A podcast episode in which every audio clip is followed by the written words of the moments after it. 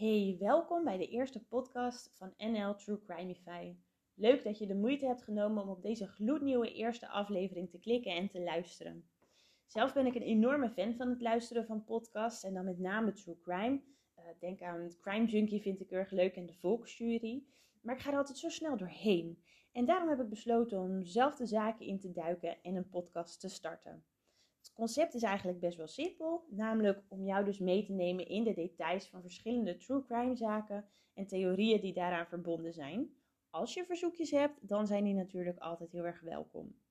Mind you, dit is voor het allereerst dat ik ook maar iets in de buurt van een podcast maak. Uh, dus ze zullen niet zo gesmeerd gaan misschien als bij de eerder genoemde podcast. En ook goed om te weten is dat ik geen journalist of andere professional ben op dit gebied. En mij daarom moet beperken tot bronnen op het internet. Dus denk jij, hé, hey, ik hoor iets wat niet helemaal juist is. Laat het me weten en dan neem ik het namelijk mee in een volgende aflevering. Voor ik aan het verhaal ga beginnen, gelijk even een disclaimer. In deze case wordt gesproken over zelfmoord en verdachte overlijdens. Heb jij ideeën of ken jij iemand die kampt met ideeën over zelfmoord? Neem dan contact op met 113. Je komt dan namelijk uit bij professionals die je kunnen helpen bij zelfmoordpreventie. Het zijn gekke tijden. Pas goed op jezelf en zorg goed voor jezelf. Nou, een disclaimer van totaal andere aard. Dat is mijn uitspraak. Ik ben niet erg bekend met uitspraken van namen in India, waar deze case zich afspeelt. Zou dus zomaar kunnen dat ik de namen een beetje anders uitspreek dan oorspronkelijk de bedoeling was. Maar ik probeer ze in ieder geval telkens hetzelfde uit te spreken, zodat je het verhaal wel kunt blijven volgen. Ik verklap het al een beetje. Deze staak speelt zich af in India anno 2018, dus nog niet eens zo heel gek lang geleden. En dat gebeurde in Burari. Dat is weer een onderdeel van Delhi en dat zullen wat meer mensen misschien kennen. En daar woont de familie Chundawat. Dat is een huishouden van elf leden uit drie generaties en die zijn dus ook familie. Je hebt als eerste oma Narayani Devi. Dat is een dame van 80 jaar die in de buurt echt bekend staat als een lieve vrouw. En die ging af en toe de, de bouwvakkers verderop in de straat wat eten of drinken brengen. Of ze paste graag op op de buurkindjes. Dus die was eigenlijk heel erg geliefd. En zij heeft vier kinderen. Een van die kinderen die woont niet op dit adres. Dat is Denise. En drie van haar kinderen dus wel. Een daarvan is dochter Pratiba. Zij woont alleen dus zonder partner of kinderen op dit adres. En dan heb je nog de broers Buines en Lalit. Buines woont samen met zijn vrouw en drie kinderen in dit huis. Nou ja, kinderen, ze zijn allemaal ver volwassen. De oudste is Priyanka en zij is 33. En Lalit, hij is 45 jaar en woont samen met zijn vrouw en twee kinderen van 15 jaar op dit adres. De familie is bekend en gerespecteerd om de omgeving. Komt voornamelijk door hun groentewinkel. Die hebben zij aan huis. Ze hebben er eigenlijk twee, dus eentje aan huis en op een andere locatie ook nog één. Nou, dan spreek je natuurlijk gewoon heel veel mensen uit de buurt en die kennen jou en jij kent hun. Nou, je weet al hoe dat gaat. En het is dus ook helemaal niet zo dat ze zich afzonderden. Ze gingen, gingen graag een bakje doen met de buren. Hadden veel vrienden. En ook in de documentaire op Netflix, daar kom ik later nog op, zie je echt het verdriet in de ogen van mensen die over hun spreken. Uh, dus je ziet gewoon dat het een geliefde familie was met weinig rare dingen. Mensen spreken zich echt vol lof uit over hun. Nou, goed om te weten voor dit verhaal is dat in de Indiase cultuur soms dingen wat anders gaat, ook als het gaat om het gezinsleven, uh, dan dat wij in Nederland gewend zijn. Een aantal dingen daarvan zijn wel belangrijk in dit verhaal, dus neem ik je eventjes in mee. En ja, de eerste is eigenlijk dat wij in Nederland best een gejaagde cultuur hebben. Dat is in India niet zo. Een voorbeeldje. Als je hier om vier uur afspreekt en je afspraak komt om tien over vier pas aankakken, dan zal je waarschijnlijk denken, nou jij bent laat. En als je in India om vier uur afspreekt, dan kan je ook gewoon om half vier of om half vijf aankomen. Dat is allemaal prima. En de tweede is eigenlijk nog wel een hele herkenbare, namelijk dat wij het best vervelend vinden als degene naast je in de bus jouw krant of jouw telefoon zit mee te lezen. In India is dat eigenlijk heel normaal. Uh, daar mag je best in elkaars persoonlijke omgeving komen staan of uh, meelezen of naar iemand staren of privacygevoelige zaken vragen. En dat betekent helemaal niet dat het een bemoeizuchtige cultuur is, maar het wordt juist als een hele positieve manier van interesse tonen gezien. Lichamelijk contact tussen man en vrouw op straat, dat is wel ongebruikelijk, misschien zelfs een beetje ongepast. In huis mag je elkaar best genegenheid tonen, uh, maar je hebt in India bijvoorbeeld echt nog wel aparte kassa's voor mannen en vrouwen. Dus op straat en buiten huis moet dat gewoon een beetje gescheiden blijven. Betekent overigens niet uh, dat niet geloofd wordt dat mannen en vrouwen gelijk zijn, maar er is gewoon een hele duidelijke rolverdeling. Zo is de man het hoofd van het gezin en baart de vrouwen de kinderen en zorgt zij voor het eten. En dat het een warme cultuur is, dat is denk ik wel duidelijk, omdat er eigenlijk altijd met meerdere generaties bij elkaar wordt gewoond en echt zorg voor elkaar wordt gedragen. Uh, nou, ook in dit verhaal is de man het hoofd van de familie. En je kunt je voorstellen dat er wat veranderde toen dat hoofd, uh, de man van oma Narayani, hij heette Bhopal Singh, in 2006 kwam te overlijden. Want ze moesten op zoek naar een nieuw gezinshoofd. Nou ja, dat wordt dus een van de mannen in het huis. Uh, en dat is uiteindelijk Lalit geworden, de jongste zoon. hij werd hoofd van de familie. En mensen vroegen zich wel eens af, oh, hoe zullen die zich staande gaan houden? Want het gaat allemaal zo anders en spannend. Um, en dat ging eigenlijk best goed voor de buitenwereld. Nee, goed om te weten over Lalit is dat hij tijdens zijn studietijd een auto-ongeluk heeft gehad, waardoor hij hersenschade had opgelopen. Hij heeft hierdoor zelfs de examens en de herexamens van zijn studie niet behaald en moest daarom ook stoppen met zijn school. Nou, dat is best wel pittig natuurlijk. En sindsdien praatte hij ook weinig tot niet nou ja, er zijn een aantal veranderingen ook wel opgemerkt door de buitenwereld. Zo uh, begon Lalit na de dood van zijn vader ineens veel meer te praten en deed hij uitspraken als vader is teruggekomen. En ook veranderde er wat bijvoorbeeld in de etenstijl van de familie. Um, en als men vroeg van, hey, hoe, hoe kwam het dat er nu zoveel dingen veranderen en dat je zoveel praat, dan gaf Lalit aan dat dat een hele simpele reden had, namelijk dat zijn vader in zijn lichaam getreden was en dat het daardoor wat beter lukte. Nou, wat niet veranderde is hoe de buitenwereld over Lalit denkt. Hij heeft soms aparte uitspraken, maar hij blijft wel de mensen gewoon helpen. En een van de mooiste voorbeelden vind ik dat hij een van zijn werknemers iets meer en eerder uit had betaald, omdat die jongen geld nodig had voor zijn huwelijk. Dan gaan we over naar een noodlottige dag.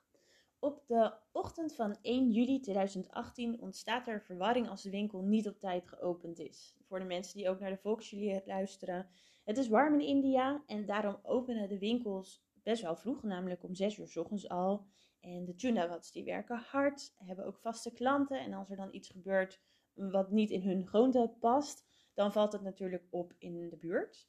Dus na heel veel roepen en kloppen en ook het bellen van de familieleden die niet opnemen, merkte een van de buurmannen dat de deur van de woning niet afgesloten was.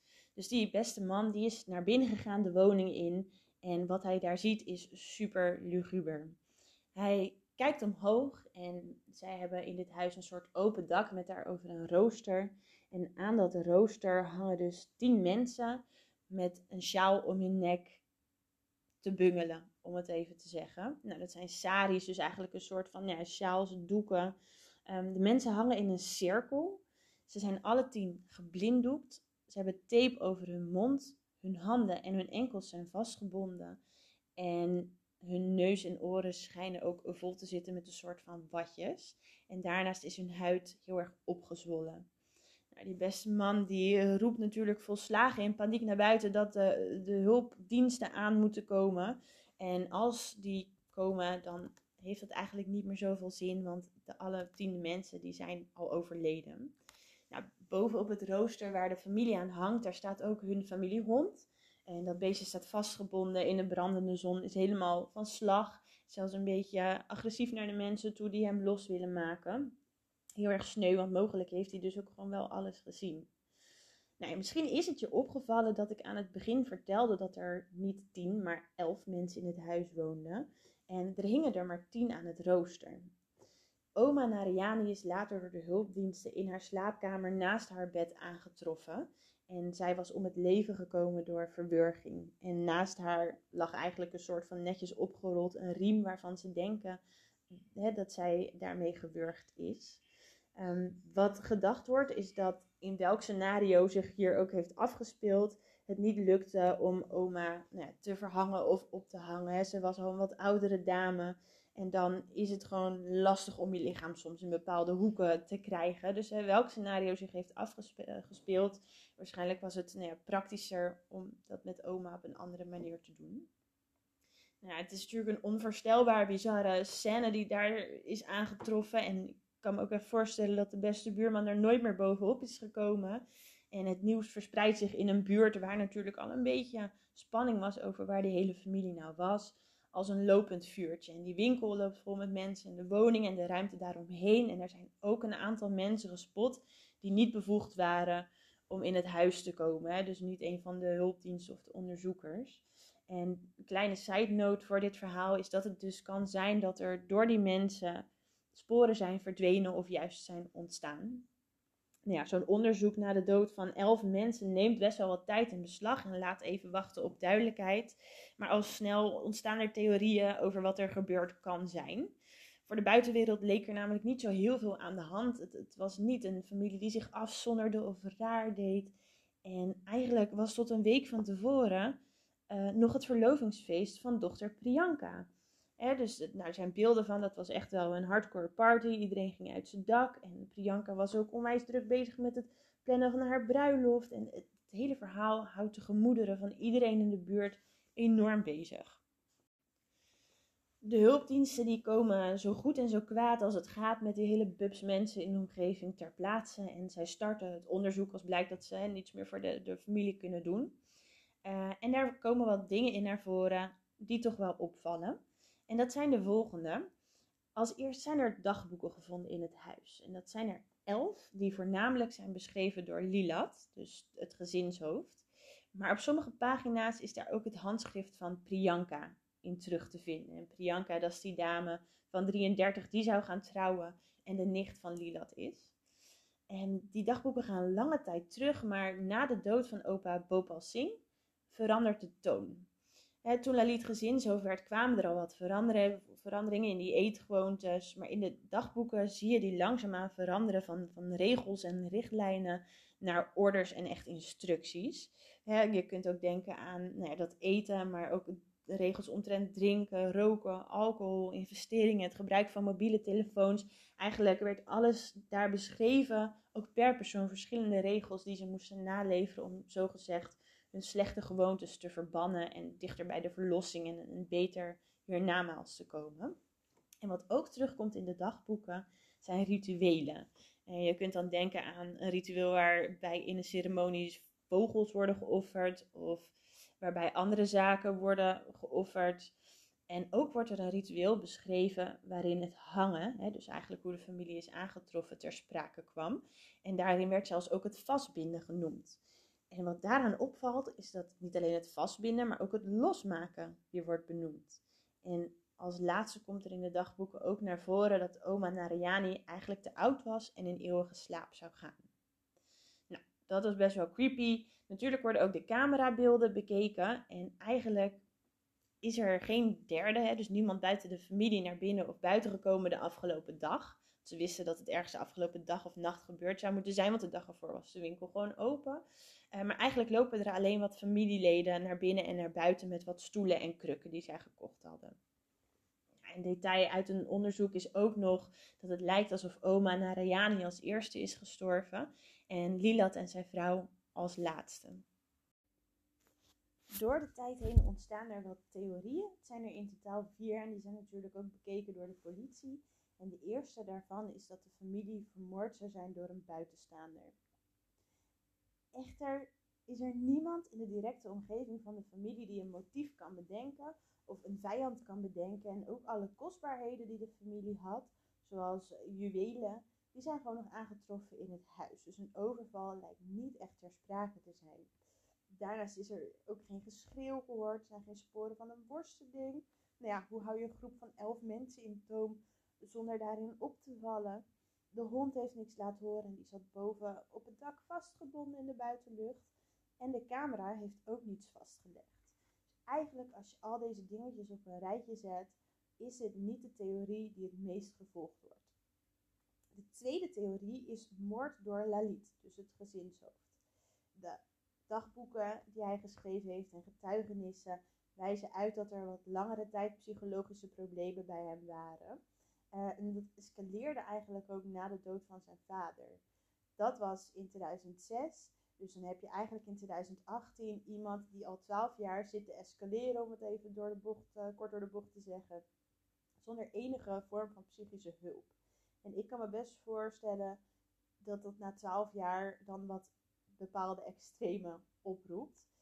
En tegelijkertijd is er over plannen om inderdaad te moorden of daadwerkelijk te sterven in de dagboeken niets te vinden. En dat zijn wel dagboeken die hij ontzettend nauwkeurig bijhield. Dus ook dit is een theorie die door de meeste mensen niet per se gevolgd wordt. Dan is daar de derde, en dat is de theorie van de collectieve zelfmoord. Dat kan weer opgesplitst worden in twee zaken, namelijk de shared psychotic disorder.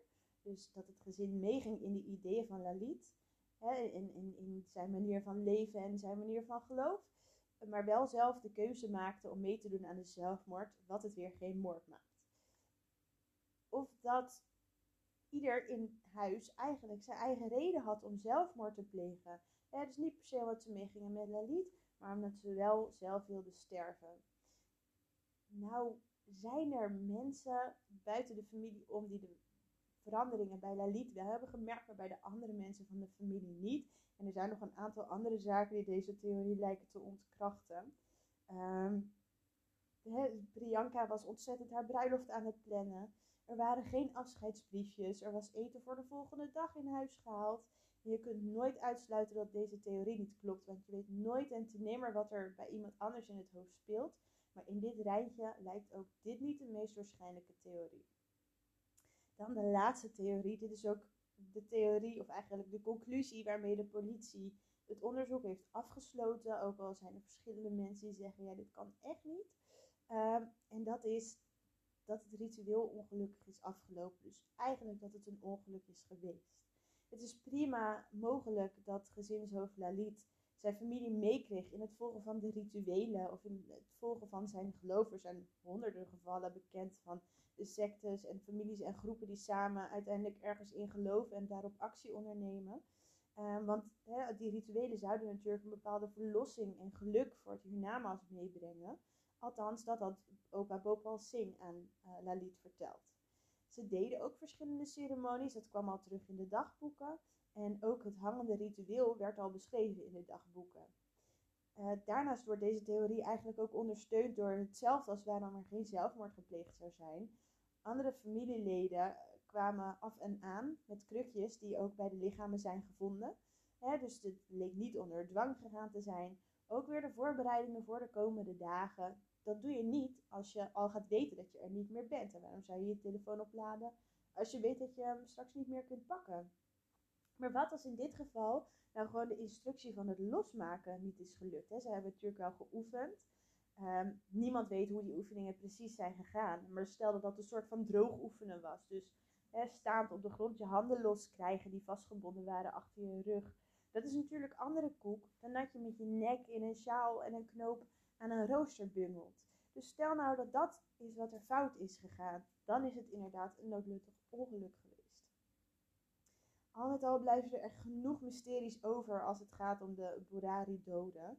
Hoe kan het toch dat elf mensen een heel donker pad op gaan of, in deze situatie belanden? En, wat is het verhaal rondom oma Narayani? Is zij dan wel vermoord? En hoe, hoe zit dat dan? En vond iedereen dat maar goed?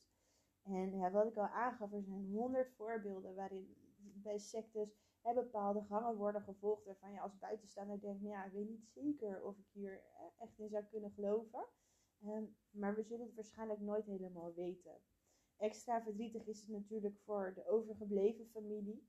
Zo zegt de uh, derde zoon van Narayani, die niet in het huis woonde, ehm, dat hij tegelijkertijd uh, ook met een bepaald ritueel zijn familie heeft moeten uh, begraven of de uitvaart heeft moeten doen. Daar zijn ook beelden van in de documentaire op Netflix. En dat is een ontzettend schrijnend beeld.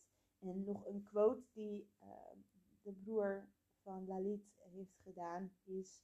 Uh, mijn familie zegt niet eens je in plaats van u. Laat staan dat ze vijanden zouden maken. Ik verlies mijn geduld nog wel eens, maar mijn broers waren erg kalm. Ik weet niet wat er gebeurd is, maar het is erg moeilijk om te geloven wat de politie zegt. Maar hoe hard moet ik hier tegen vechten? Want ik vecht deze strijd alleen. Ja, en dat is natuurlijk ontzettend verdrietig om te horen. En daarnaast is ze ook echt een beetje gekwetst. Hè? Net als wat andere familieleden. Dat de politie eigenlijk met dat occult of met dat ritueel heeft afgesloten. Want dat is echt nog wel een taboe in India. Dat is er zelfs nog strafbaar. Om met enigszins een positieve noot te eindigen. Uh, de hond van de familie, die dus vastgebonden stond en waarschijnlijk gewoon een stille getuige van alles is geweest, die is opgehaald door een speciale organisatie en daar wordt hij nu liefdevol opgevangen. En ik hoop uh, nou, dat ook die er een beetje bovenop is gekomen. Dus voor mij een positieve noot. Ik ben namelijk diegene die na Hachi, uh, de film, nog drie dagen zit te huilen. Uh, dus voor mij was dit in ieder geval goed nieuws. Hè? Als je er nog iets van goed nieuws uit deze zaak moet halen, was dit het. Um, maar ik ben wel heel erg benieuwd of jij nog andere theorieën hebt. Dus heb jij nog een, ander scenario in je hoofd of ben je benieuwd naar beeldmateriaal? Neem dan eens een kijkje op de Facebookpagina. Die zet ik ook de link daarvan in de show notes. Uh, maar ook als je opmerkingen over de podcast of de zaak of suggesties hebt, stuur ze me allemaal door. Want hè, voor mij is dit ook nieuw en ik ben gewoon heel erg benieuwd naar wat jullie ervan vonden. Heel erg bedankt voor het luisteren. Als je deze in het najaar van 2021 luisterde, dan was je ook een van de eerste. En ik hoop dat je het leuk vond. Ik ga er in ieder geval nog een paar online zetten. Dus ik hoop dat jij ook de volgende keer weer intuned. Geniet van je dag. Doeg!